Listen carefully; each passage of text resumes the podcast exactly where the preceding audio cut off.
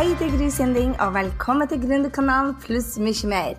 Vi blir å snakke om alt mellom himmel og jord som skaper gründersuksess, og skaper ditt aller beste, mest rocka liv.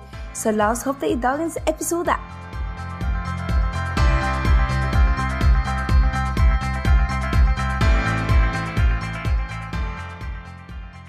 Hei, det er Gry her, og velkommen til Gründerkanalen og episode nummer 53. Du, i dag så skal du få møte Stu McLaren. Stu er min mentor og min venn, og han kjenner meg vel kanskje bedre enn de aller, aller fleste. Akkurat fordi at han har vært både mentoren min og coachen min og vennen min i, eh, over en lang periode. Jeg må jo fortelle deg bakgrunnshistoria før vi setter i gang dette intervjuet. Det er for øvrig, jeg tror Personlig så er det det beste intervjuet som noen gang er gjort her på Gründerkanalen, så gled deg. Og det er fordi at du skal møte den kuleste, rauseste, den mannen med det største hjertet, rett og slett. Og hvis du har fulgt med meg ei stund nå, så vet du det at eh, jeg driver business ut ifra verdiene mine.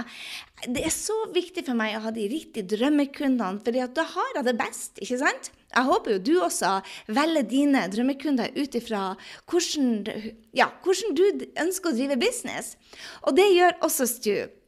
Og jeg må jo gå i dybden av hvordan vi traff hverandre. Vi traff hverandre hos uh, Jeff Walker på hans uh, Product Launch Formula, og der sto han på scenen sammen med Amy, hans nydelige, nydelige kone, og jeg og Henrik, mannen min, var der.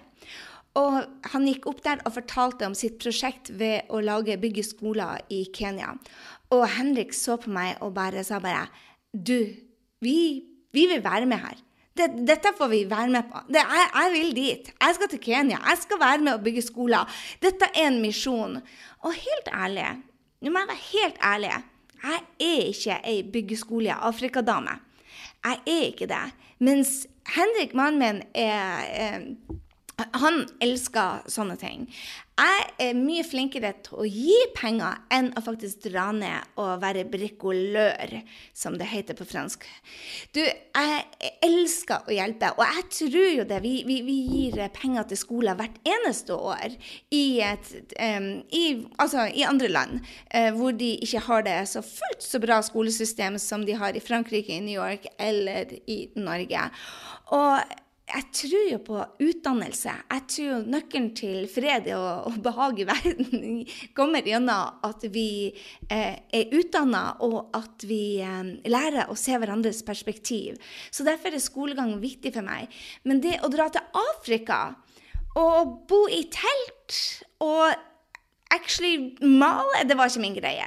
Men Henrik han var fast innstilt på det her, og han ønska å gi de pengene vi hadde spart opp til å kjøpe bil. Og jo da, der for alle bilpengene ut gjennom vinduet og løp bort til Amy og Stu, og vi connecta med en gang.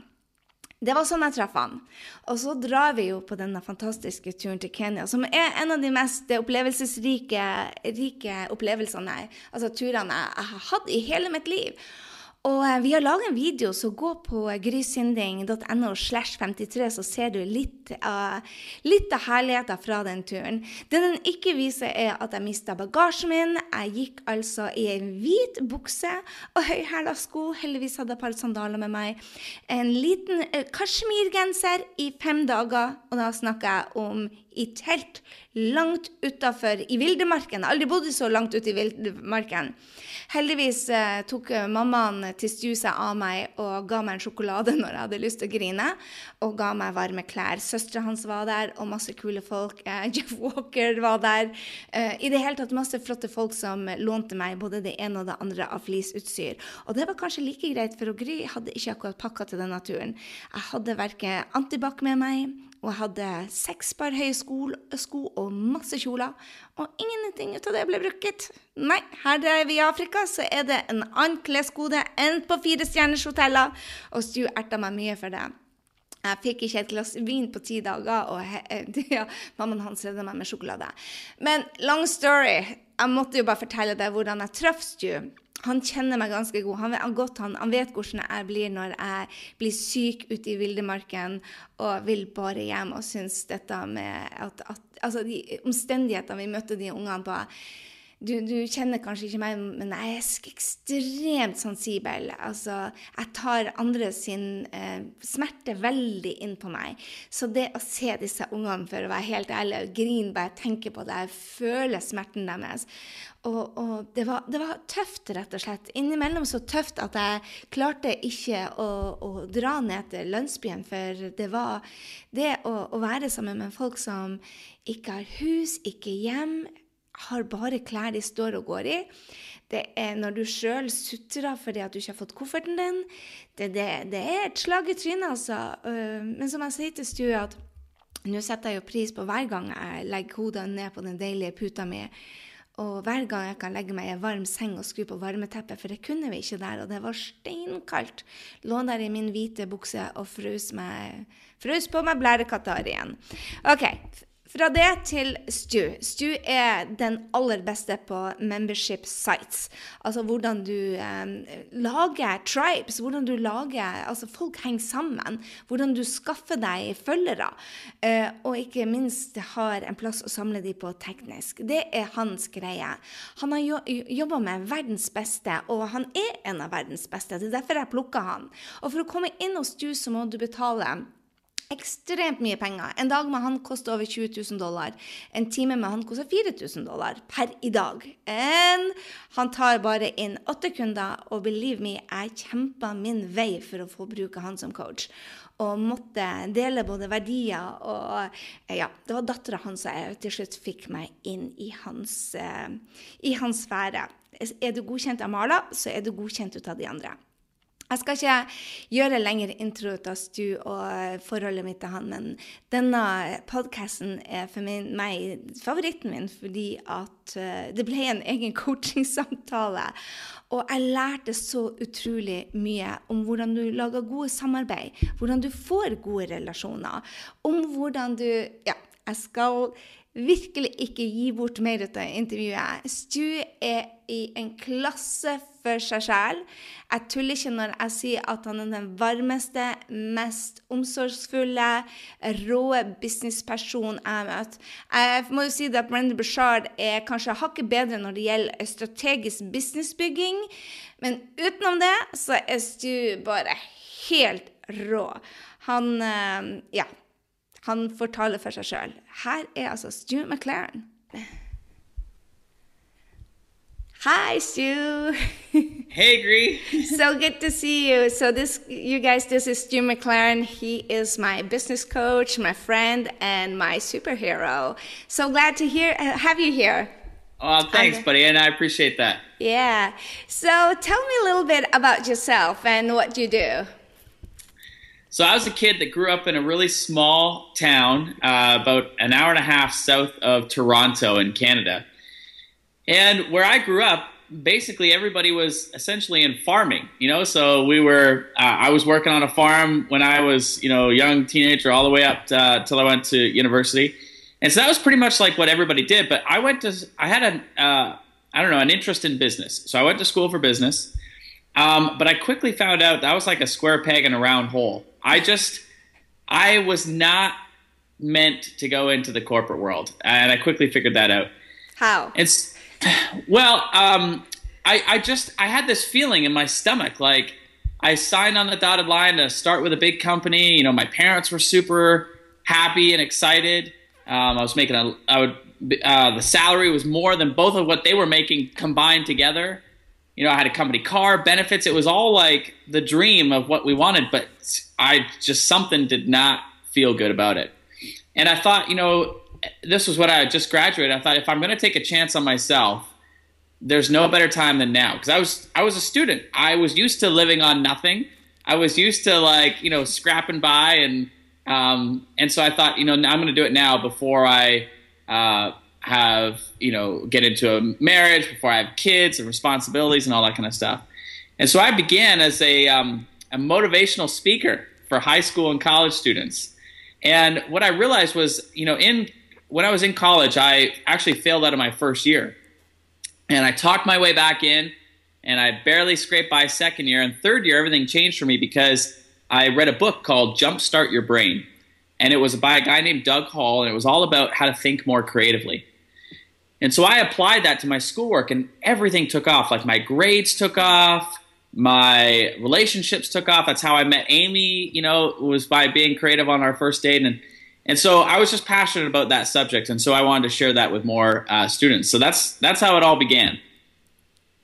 And then you, how did you come up with, because you were one of the partners of Wishlist Members, which is a membership uh, plugin for uh, WordPress?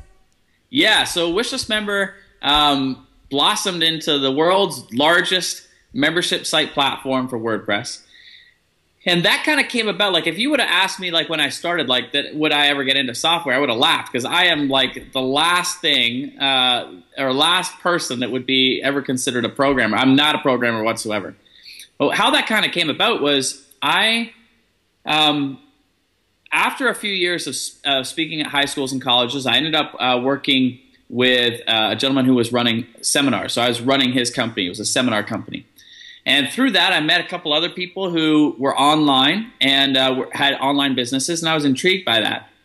And then, long story short, one of them asked me to help him um, in a, almost like a consulting role because he needed help. And so that kind of took off. We, we this was back in the day. This was like 2005 and I was helping with him with his online launches back then. And this was way before launches are what they are today. You know, we were still old school. Everything was like teleseminars and all that kind of stuff. But it just took off, and people noticed. And next thing I know, I've got this like big consulting um, uh, practice where I've got amazing clients. I was had a like super great income. Um, we were doing seven figure launches back then and uh, everything was great, except what I realized was that my business model was broken because the only way to grow it was to give more of my time. And I didn't have any more time to give. I was maxed out with the clients that I had, and I knew something had to change. And so I was looking for a way to share what it is that I was helping my clients with with more people. And so I looked at a membership site, and at the time, this was 2008. It wasn't easy. Like, you know, technology has evolved so much today, but mm-hmm. back then, like it just wasn't user friendly. And so I was moaning and groaning to a friend of mine, Tracy, and I was like, man, if I could just, all I want to do is just create a membership site. Like I don't want to have to. I'm getting bogged down with the tech. And he said, well, why don't we just create our own solution? And I'm like, dude, like I, I am not a program. Like I'm having trouble just setting this up. Like I'm the last guy to be able to do that. And he said, Well, why don't we collaborate together? He's like, I've got a really great program that works with me. And so we did. And so this was August 2008. A month later, we had a beta version. I sold it to my mastermind. I, I didn't want to give it to them. I wanted to sell it to see if like other people saw the value in it. The, everybody bought it. And so wow. then I was like, hmm. So then we went public um, with it and started selling October 22nd, 2008. And then it just took off. And you know, fast forward uh, six years to 2014 when I sold my interest in it, it was powering over 60,000 online communities and membership sites. Amazing. And then you left that. I mean, super successful, like like a uh, like a runner at the TOPS gold medal, and here you go, and just retire. Yeah, well, you know what? Like, um, it was it was super successful. It was a multi seven figure year business. I mean, we had a we had grown a team at the time. We had 22 staff. They were all amazing people. Um, we still and I still felt like we were just scratching the surface. Um, but I think in life, like when things are going really well, um, it's often the time when we kind of sit back on and, and we don't pay attention to the little clues that may be happening in our life. And so I've always had a practice of um, putting myself in situations where I feel fear, but I move forward anyway. Okay, so mm-hmm. um, an example would be skydiving. Like uh, that's, I mean, when you're on the edge of the plane and you're about to jump out, I mean, you can't help but feel fear. You know, I or, know. Uh, yeah, or bungee jumping, or swimming with sharks, or even like living in a refugee camp for a week. And you know these kinds of things. There's a lot of fear that's baked into that. But I have a practice of like intentionally setting myself to, to do those things multiple times a year because in life when we face those moments when we have to make a big tough decision that can be scary, we need to have the courage to know that we can push forward mm. and through those decisions, even if we are scared. And so for me, it's like muscle memory. It's about like training myself to feel fear and move forward anyway. And this was a perfect example of those moments because I had just come off reading uh, two very important books that had a huge influence on my life. One was called uh, The One Thing. I love by, the book. Yeah. It's an amazing book. Yes. Um, so the authors Gary Keller and Jay Papasan. And then the other book is Essentialism by Greg McKeown. And both are very similar in context, right? Mm-hmm. Like essentially like encouraging you to focus, get rid of all the everything else and just stay focused. So I just read those two books, and then I had just wa- I had just seen um, my uh, great buddy and friend, um, business partner Michael Hyatt. He had just um, he had just done a presentation, and uh, I've seen him live deliver the presentation. And in that presentation, he man, he asked some powerful questions. Like he asked, one of the questions was, um, you know, what do you want to be remembered by?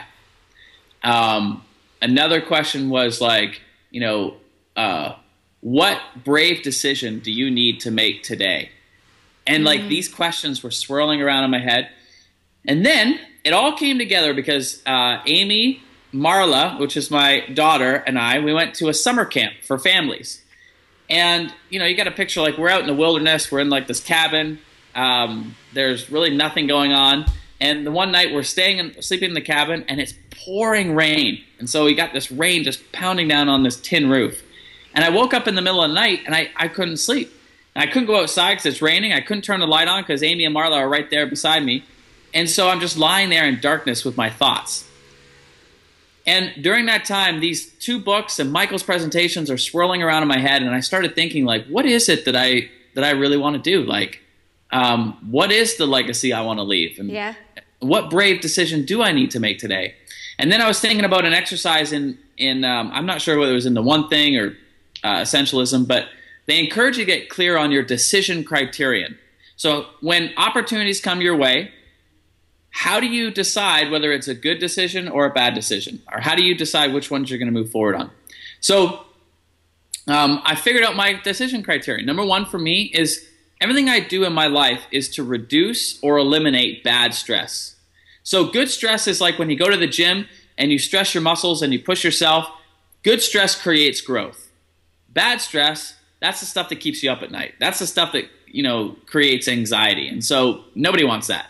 And so everything in my life is engineered to eliminate or reduce bad stress. Second thing I realized was that everything I do is centered around creating impact. So you mentioned my wife and I, we have a charity, we build schools over in Kenya, but that's a part of like the impact I want to have. I want to have impact on my family and my friends. I want to have impact in my local community. I want to have impact in my country and ultimately the world. And so there's different layers of that, and that's a huge part of my life. And then the third thing that I realized in terms of how I make decisions is um, is uh, is profitability. So if an opportunity comes my way and it doesn't match or exceed the profitability of what I'm currently doing, then I just I just won't consider it. So based on that, then they say, okay, look at everything that you're doing, rank it on a scale of 1 to 10. Anything less than a 9 or a 10, eliminate it from your life.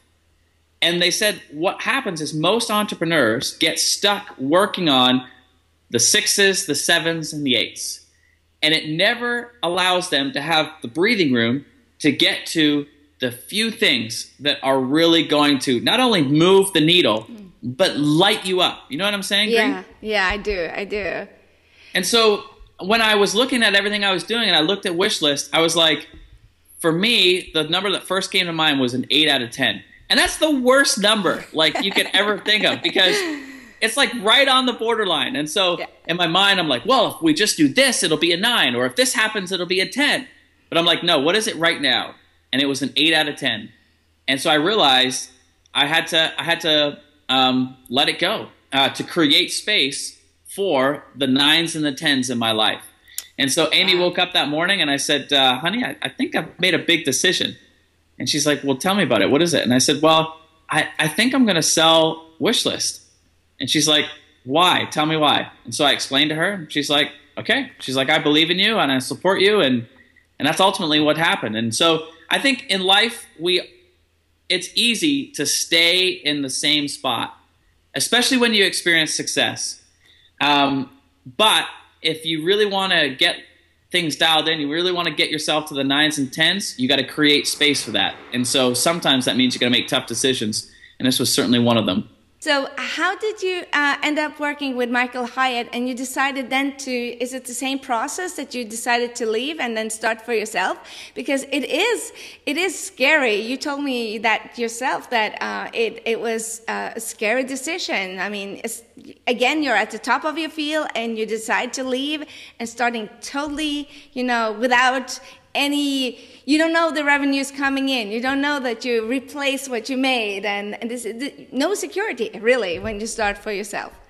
Yeah you know um, I, I, think of it very much like like an actor who has been pigeonholed into a certain type of role. You know like mm. think think of like an actor who's like um, like uh uh, some like a Will Ferrell, for example. Like he's in like these slapstick type comedies, right? Yeah.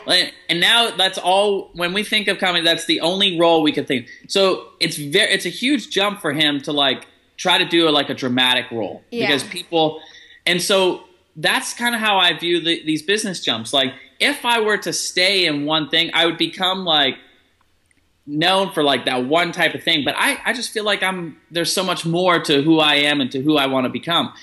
And so, um, how I ended up working with Michael was while I was still at Wishlist, I was um, speaking at an event on the topic of membership sites. You know, we were powering over 60,000 online communities and membership sites. So I learned a lot. I learned about like what works, what doesn't work. And, um, and so I was teaching that at an event. And somebody came up to me and they said, do you know Michael Hyatt? And I said, I know of him. I said, I, I don't know him personally. And they said, well, what you're talking about, he could really benefit from, and I'd love to set up a conversation with you two. And I said, great. So Michael and I met.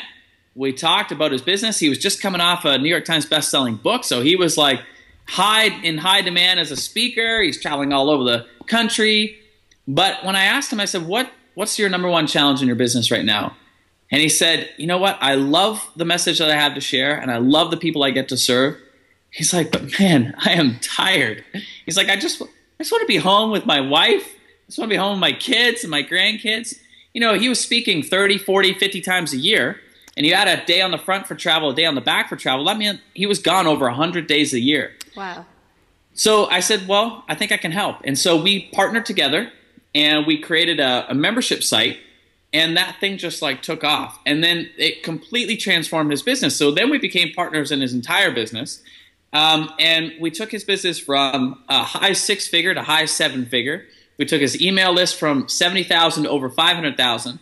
And we took the number of days that he was on the road from over 100 to less than 15. And we did that in a three year period. Amazing. And, uh, I mean, yeah. that's crazy. So it was fun. And, you know, for me, like the value that I got from it was, yes, financially, it was, it was very lucrative. But that actually wasn't the main reason that I went into that partnership. You know, and I think people often get scared about partnerships. And I've had three business partnerships. They've all started great. They've all they've all ended even better. Like we were better friends um, at the end of it. And um, one of the the things that I was looking to get from that partnership was to learn from Michael. You know, for him, I mean, he was a former CEO of one of the largest publishing companies in the world. Um, and the person that you see in public is the exact person that you see in private. Like there's total congruency there. And I wanted to learn how to lead. Um, I wanted to learn how to live a life that um, uh, that incorporated both family, um, uh, the things that I love to do, as well as succeed in business. And I didn't want to have to sacrifice one in order to succeed at the other. And um, I learned a lot from Michael in that regard, and I'm tremendously grateful for the time and the partnership that we had together. What do you think? I mean, when I hear about partnership, it's what you say. It has a bad rap because normally you go in and it's glorious, like when you're in love, and then it end up like a bad divorce. Yeah. so, so, what do you think is the clue to get, you know, hap- a divorce happily after?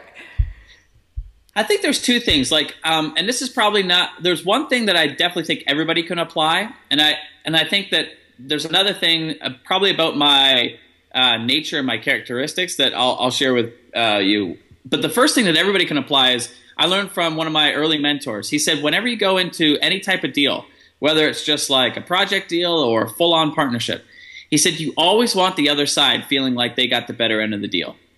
And I've never forgotten that. You know, like I always, when you go into a partnership, as long as you're looking out for your partner's best interests, that can't help but succeed. Mm.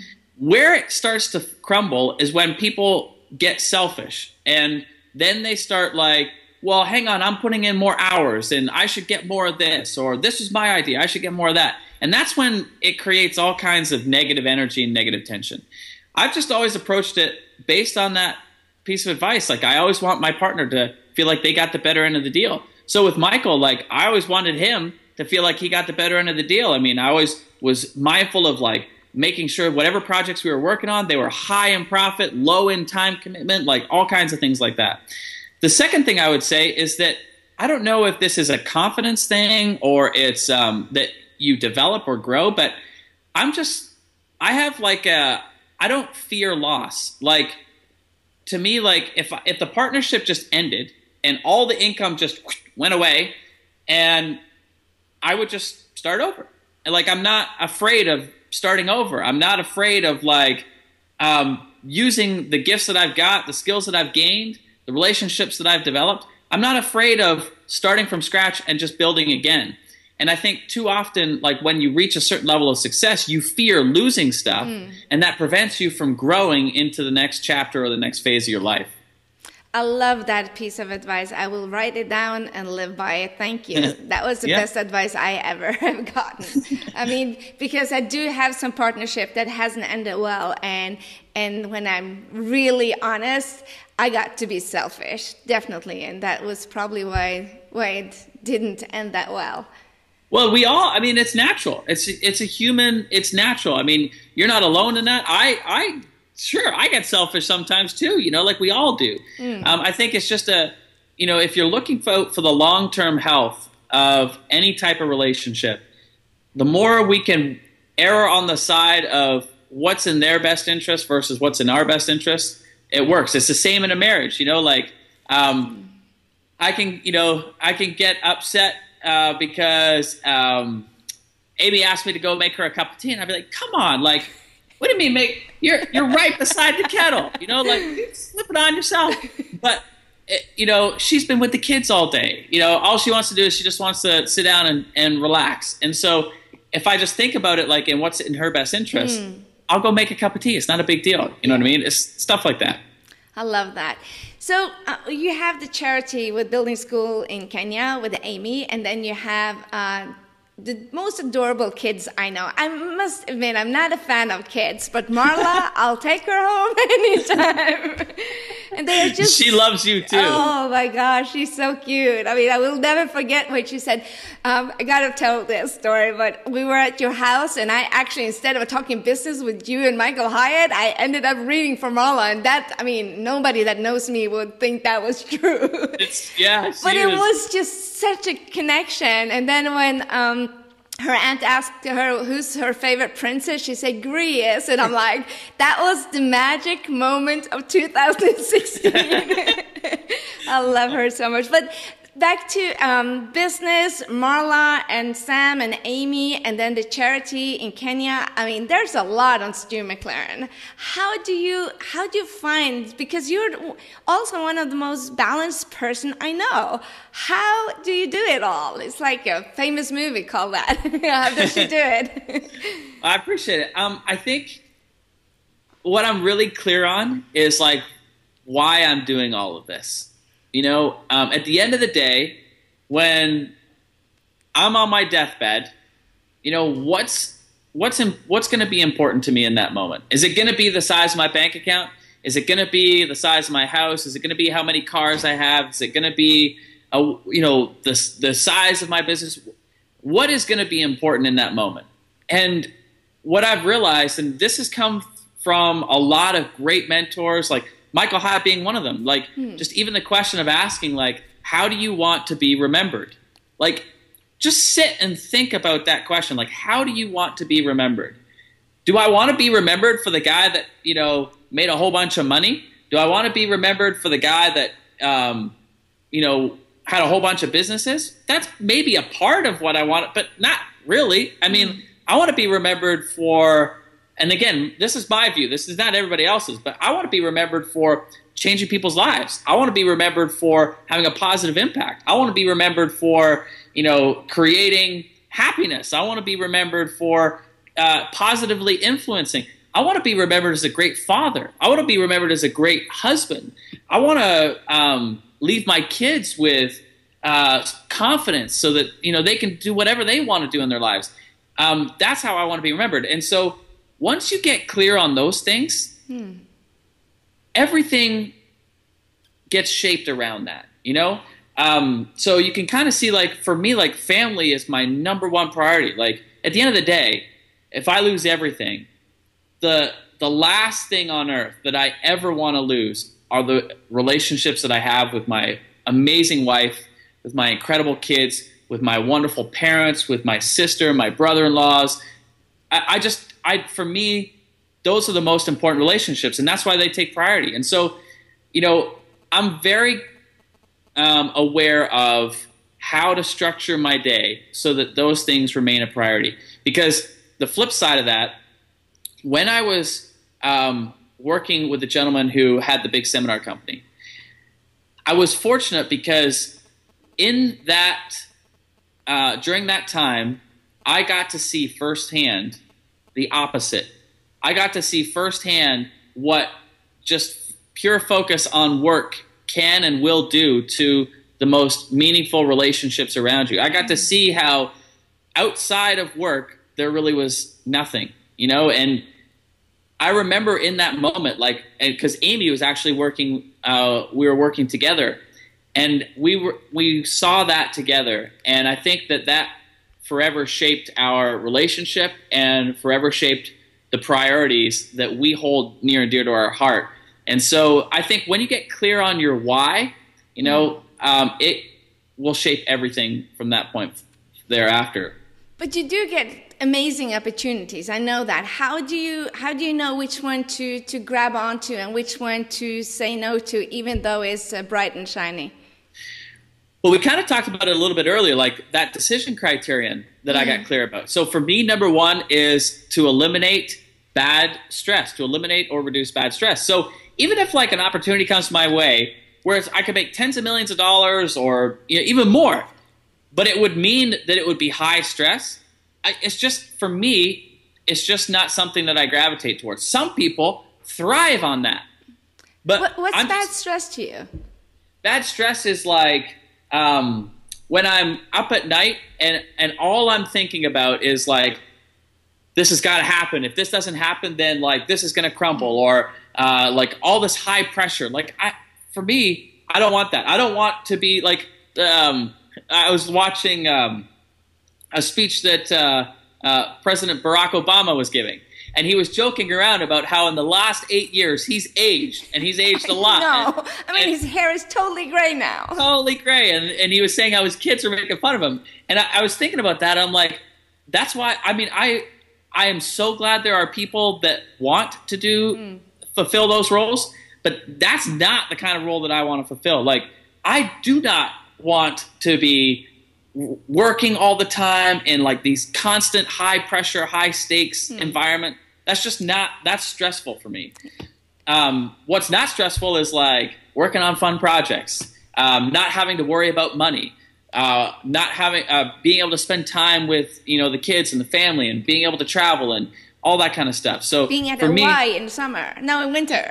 yeah, exactly. Like being able to do things that I love to do and have time to do the things that I love to do um, is really important for me. And so, like when I don't have those things, um, when uh, financially there's a squeeze, like I've had financial squeezes in my life for sure, you know. And when there's a financial squeeze, it creates a ton of stress. I'll tell you another thing that creates stress for me is just like identifying the things just in your regular life that cause stress. Like this is going to sound so trivial and silly and stupid, um, but like when Amy and I made a list of the things that stress us out, there were uh, three things on the top of that list. Number one was cooking. like neither of us like to cook. We love to eat, but we do not like to cook. And so when it was just Amy and I, we would play this game, Gry. Like we would secretly try to hold out for as long as we could, hoping that the other person was going to get hungry, and then by default they would make dinner for both of us. and then when that happened, the dinners were awful. Like it was crappy food because we were just we hate cooking, so we'd throw something in the microwave, and it was God. It makes me sick just thinking about it.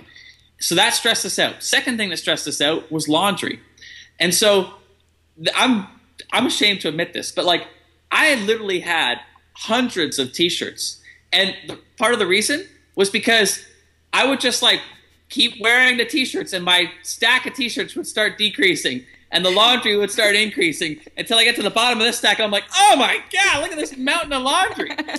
and so then it was like huge stress fest, you know. And Amy and I would try to do it together, and we'd put a load in, and then we'd forget, and it was wet and stinky. We'd have to do it all again. It was just it was a nightmare. So like that stressed us out. And like just even because we were busy, we were building our business and building the charity, just like having friends over meant that we would need to clean up. And it was just that stuff stressed us out. And so what we did was we started identifying what are the things that are stressing us out and what can we do to alleviate that stress. And you know, fortunately for us, we figured out a way to be able to get some help in all of those areas. And I can tell you, Gry, there's like we we call it um, uh, life before Leanne and life after Leanne. Leanne is who we hired to help us, hmm. and it's night and day. And I mean, the quality of our life whew, shot up.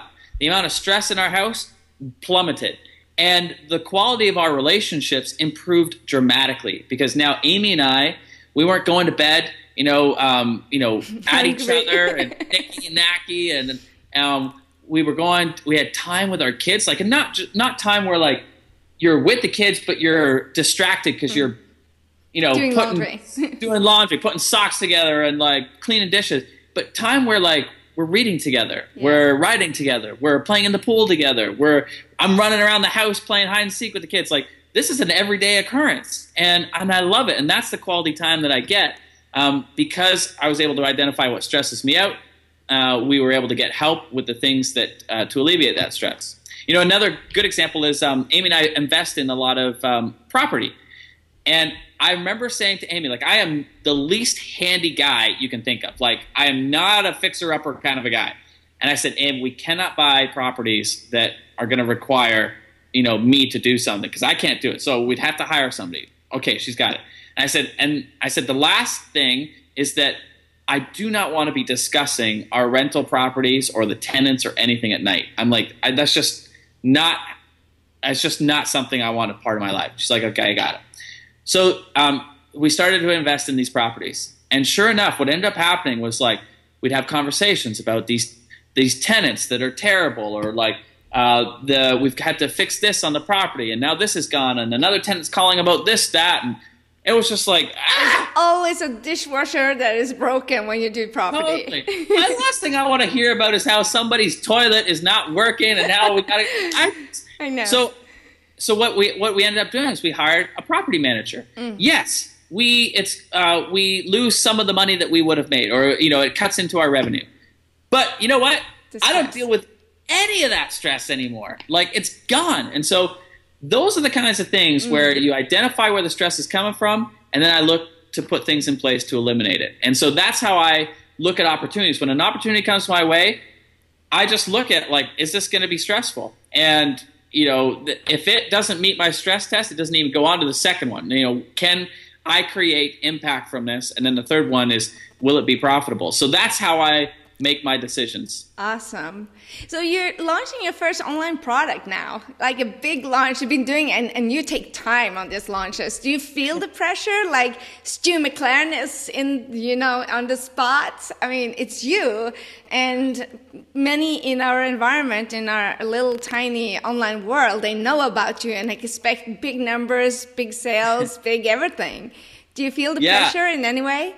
Um, a little bit, yeah, for sure. I'd be, I'd be, um, uh, I, I wouldn't be fully transparent if I said no, but you know, like uh, for years I've done big launches, you know, behind the scenes for others, like for Michael or for some of my clients and so forth.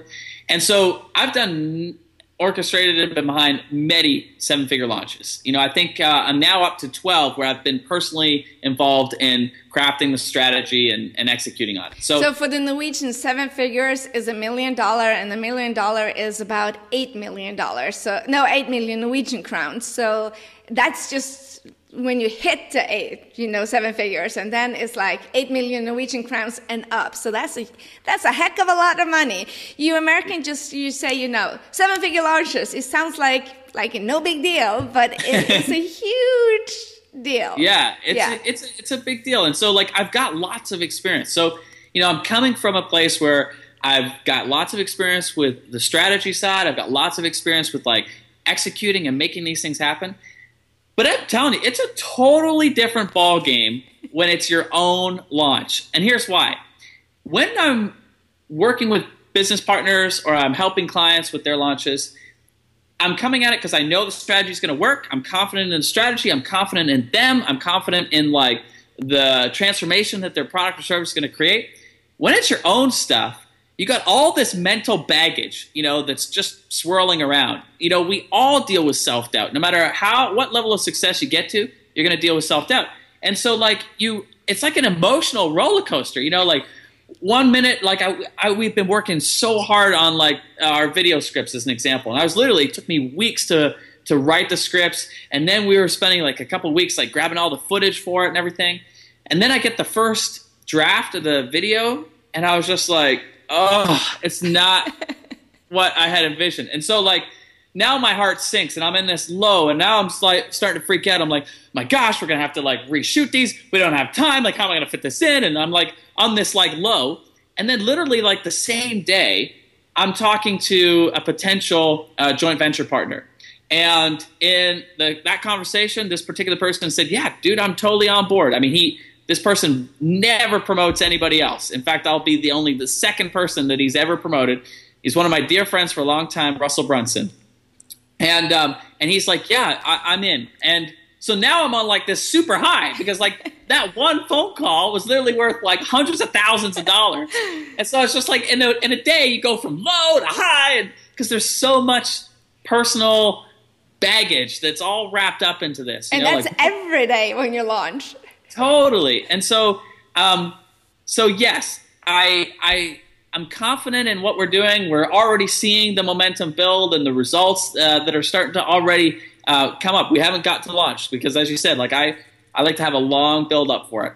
But there's still all that personal baggage that's wrapped up into that, and I think that um, you know, don't don't ever let anybody uh, fool you. We all experience self doubt. We all experience like those kinds of emotions. Um, and you're not human if you don't experience them, in my opinion. You know, but uh, we just get better at dealing with them, but we still experience them. Awesome.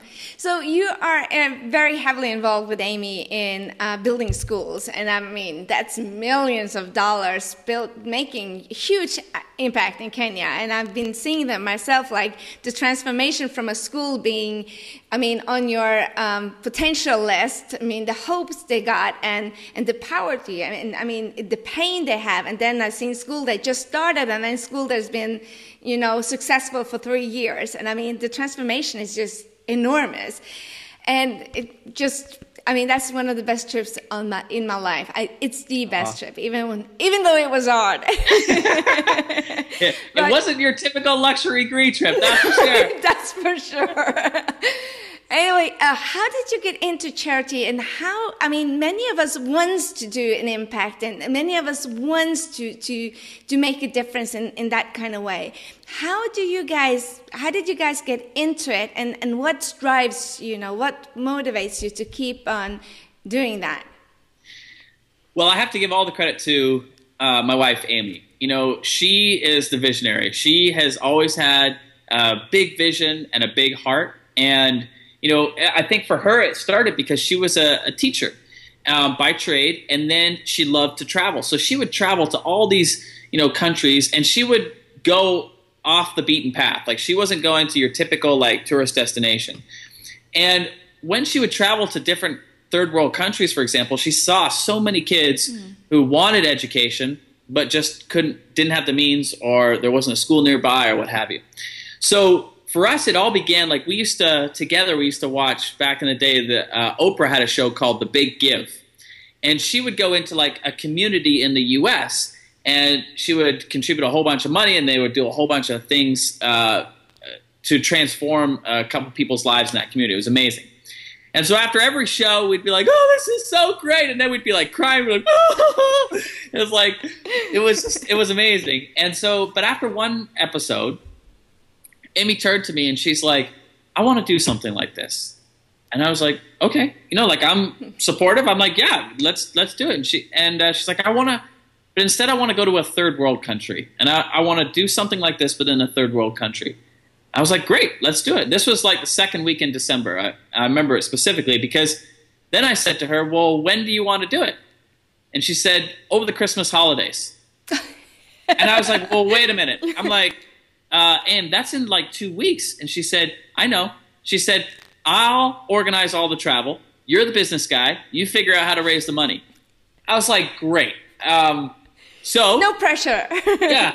So we put together an online fundraiser, um, and in that period of time, we raised seventeen thousand dollars. Whoa! Uh, we took it down to we. The first place we went to was El Salvador, and Amy always told me, she said, "You know what? Like you'll realize the power and the incredible uh, pleasure that you will get from actually seeing the people that you're helping. It's like it's one thing to write a check." Mm. It's something totally different, as you, as you have experienced, Gry. Definitely. To actually go and see the people that are benefiting from your generosity. And when you do that, it just takes on a whole different meaning. And I, I'm, I don't want to speak on your behalf, but I know for me, like when I experienced it, I, it made me more hungry to want to make a lot more money and to contribute in a much bigger way. Do you agree? And uh, yeah, and that was the vision that Amy had. And so, like, after that first trip, I remember on our flight home, I looked at her, I said, I get it. Let's figure out a way to make this official.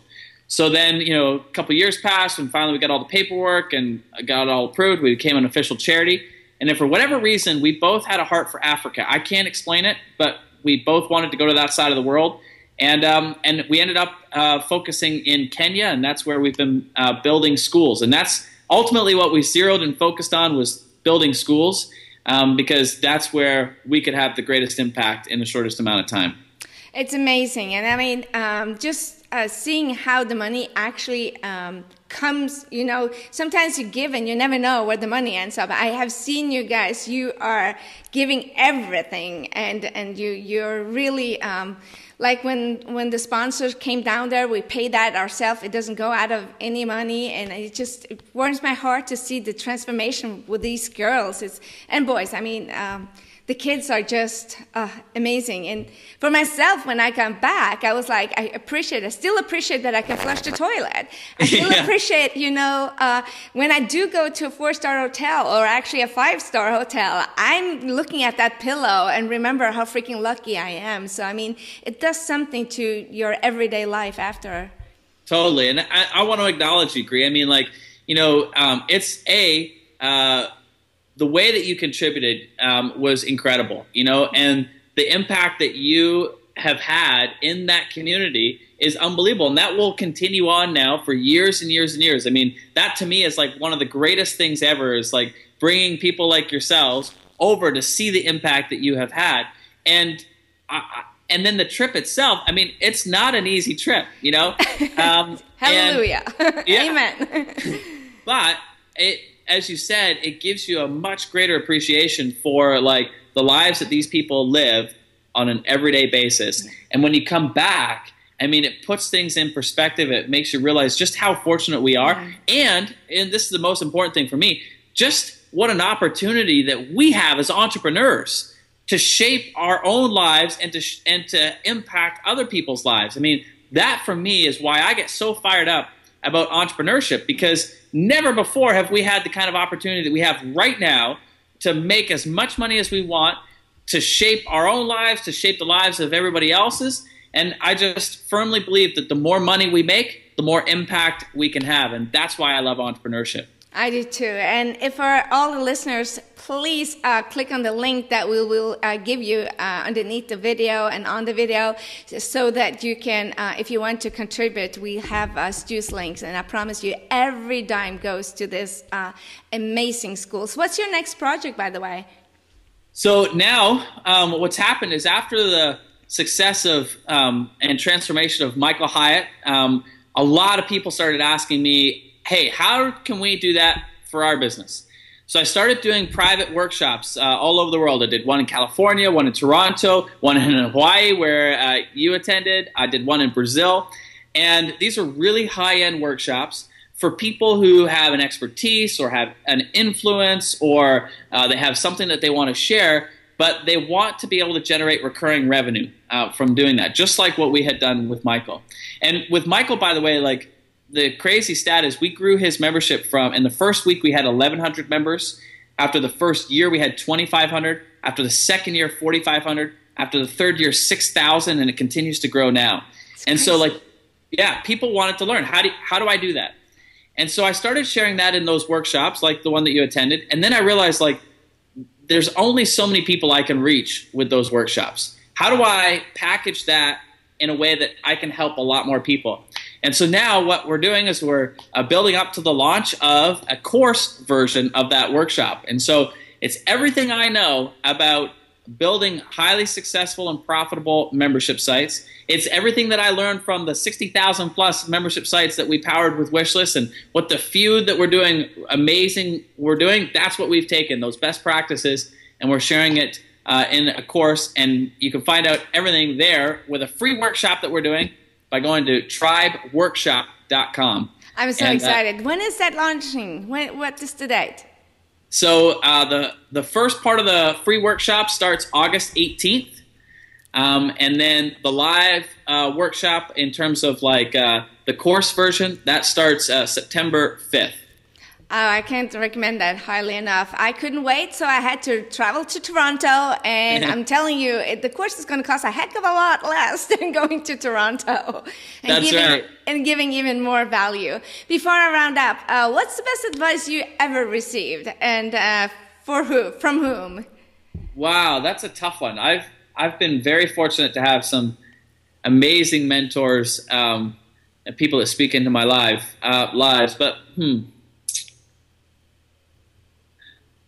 Okay, here's here's the best piece of advice. This was given to me from a friend of mine. His name is David Fry. He also sits on the board of our uh, charity. And this was in 2006. This was right when we were, Amy and I were actually talking about the charity. And uh, I was putting on my own seminar at the time, and David was one of the speakers who I had invited and he had an interest in building schools and doing that kind of stuff. So he, he and Amy were engaged in conversation, and and then uh, he was just a dear friend, and uh, he kind of I think he saw the trajectory of where my career was kind of going, and he pulled me aside and he said, you know, Stu. Um, a long time ago, somebody shared a quote with me that I want to share with you because I think it's going to be really important for you. I said, okay. And the quote was, no matter, uh, what is it? No amount of success will ever make up for failure in the home. No amount of success will ever make up for failure in the home. And what that did was he shared it to me, and it was at a time when Amy and I actually weren't married at that time. We didn't have any kids. So family was not like high on my priority list just because I didn't have one. But it always stuck with me because of the experience that I was sharing with you about like the um, where I, I got to see firsthand where not focusing on uh, not family and not making it a priority, what that did to you know different people's lives. Yeah. And so when he said no amount of success will ever make up for failure in the home, it just always stuck with me. And um, I think that that has served as a foundation for how I make decisions, how I design my business, how I run my life. And at the end of the day, just like what we were talking about, I want to be remembered as a great father. I want to be remembered as an amazing husband. I want to be remembered as a great friend and a contributor to my community and the country and the world and so forth. And um, I think it all starts with you know realizing your priorities, and that quote basically sums it up. Wow, I take away so much um, knowledge and I will take action on that. Uh, with the partnership, wow, that was empowering. And um, also the, one, the, the, way you make decisions is just amazing. Thank you so much for sharing your genius um, too. Thank you for having me, buddy. And listen, I love and appreciate you, and I hope that your community realizes just how amazing you are. You know, uh, you and I get a chance to uh, interact uh, off camera and I want your community to know just how much you care for them. You know, every time we're together, you're focused on helping them, serving them, and making their lives better. And it's important for them to know that you hold them in such a high regard. And I think that that's a great uh, character attribute of somebody who um, is there for their community and will continue to be there for their community and makes that a priority. So kudos to you too, my friend. Thank you so much, Stu. Det var altså Stu. Digger du han like mye som meg, eller? Jeg lurer på, hva lærte du, og hva blir du å ta action på? Ikke glem det at kunnskap uten action er verdiløs. Så fortell meg i kommentarfeltet. Gå på grysynding.no slash 53 og fortell hva du tok med deg av dette intervjuet. Og var det det beste du noen gang har hørt på Gründerkanalen, så gå inn og ta deg tid til å rate oss på iTunes. Og send Stu en liten hilsen. Mange ting, men det klarer du. Jeg digger at du henger med oss. Jeg digger at du er her på Gründerkanalen. Tusen takk for at du igjen var her. Og Var det din første gang du har vært her, så få med deg gründertesten, for den er viktig for alle oss gründere. Den mentale treninga, hvis du har tatt det med deg fra dette intervjuet, det er hvordan du tenker som avgjør om du blir å lykkes eller ikke.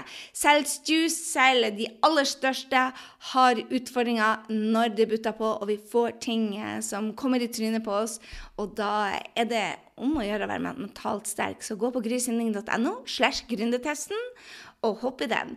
Og så må jeg jo sette av, fortelle deg at du må sette av kalenderen din til 8.9., for da kommer det den viktigste treninga i hele år. Den heter altså Salgssystemet. Jeg gleder meg så til å dele det med deg. Jeg var nettopp sammen med Dan Sullivan og Peter Diamandus. Google de om du vil, de er rå. Og jeg hadde en presentasjon om salgssystemet, og de var bare blown away. Og det er det jeg skal gjøre med deg òg. Blow you away. For dette må du bare ha. Ha en strålende, strålende dag, så høres vi neste uke.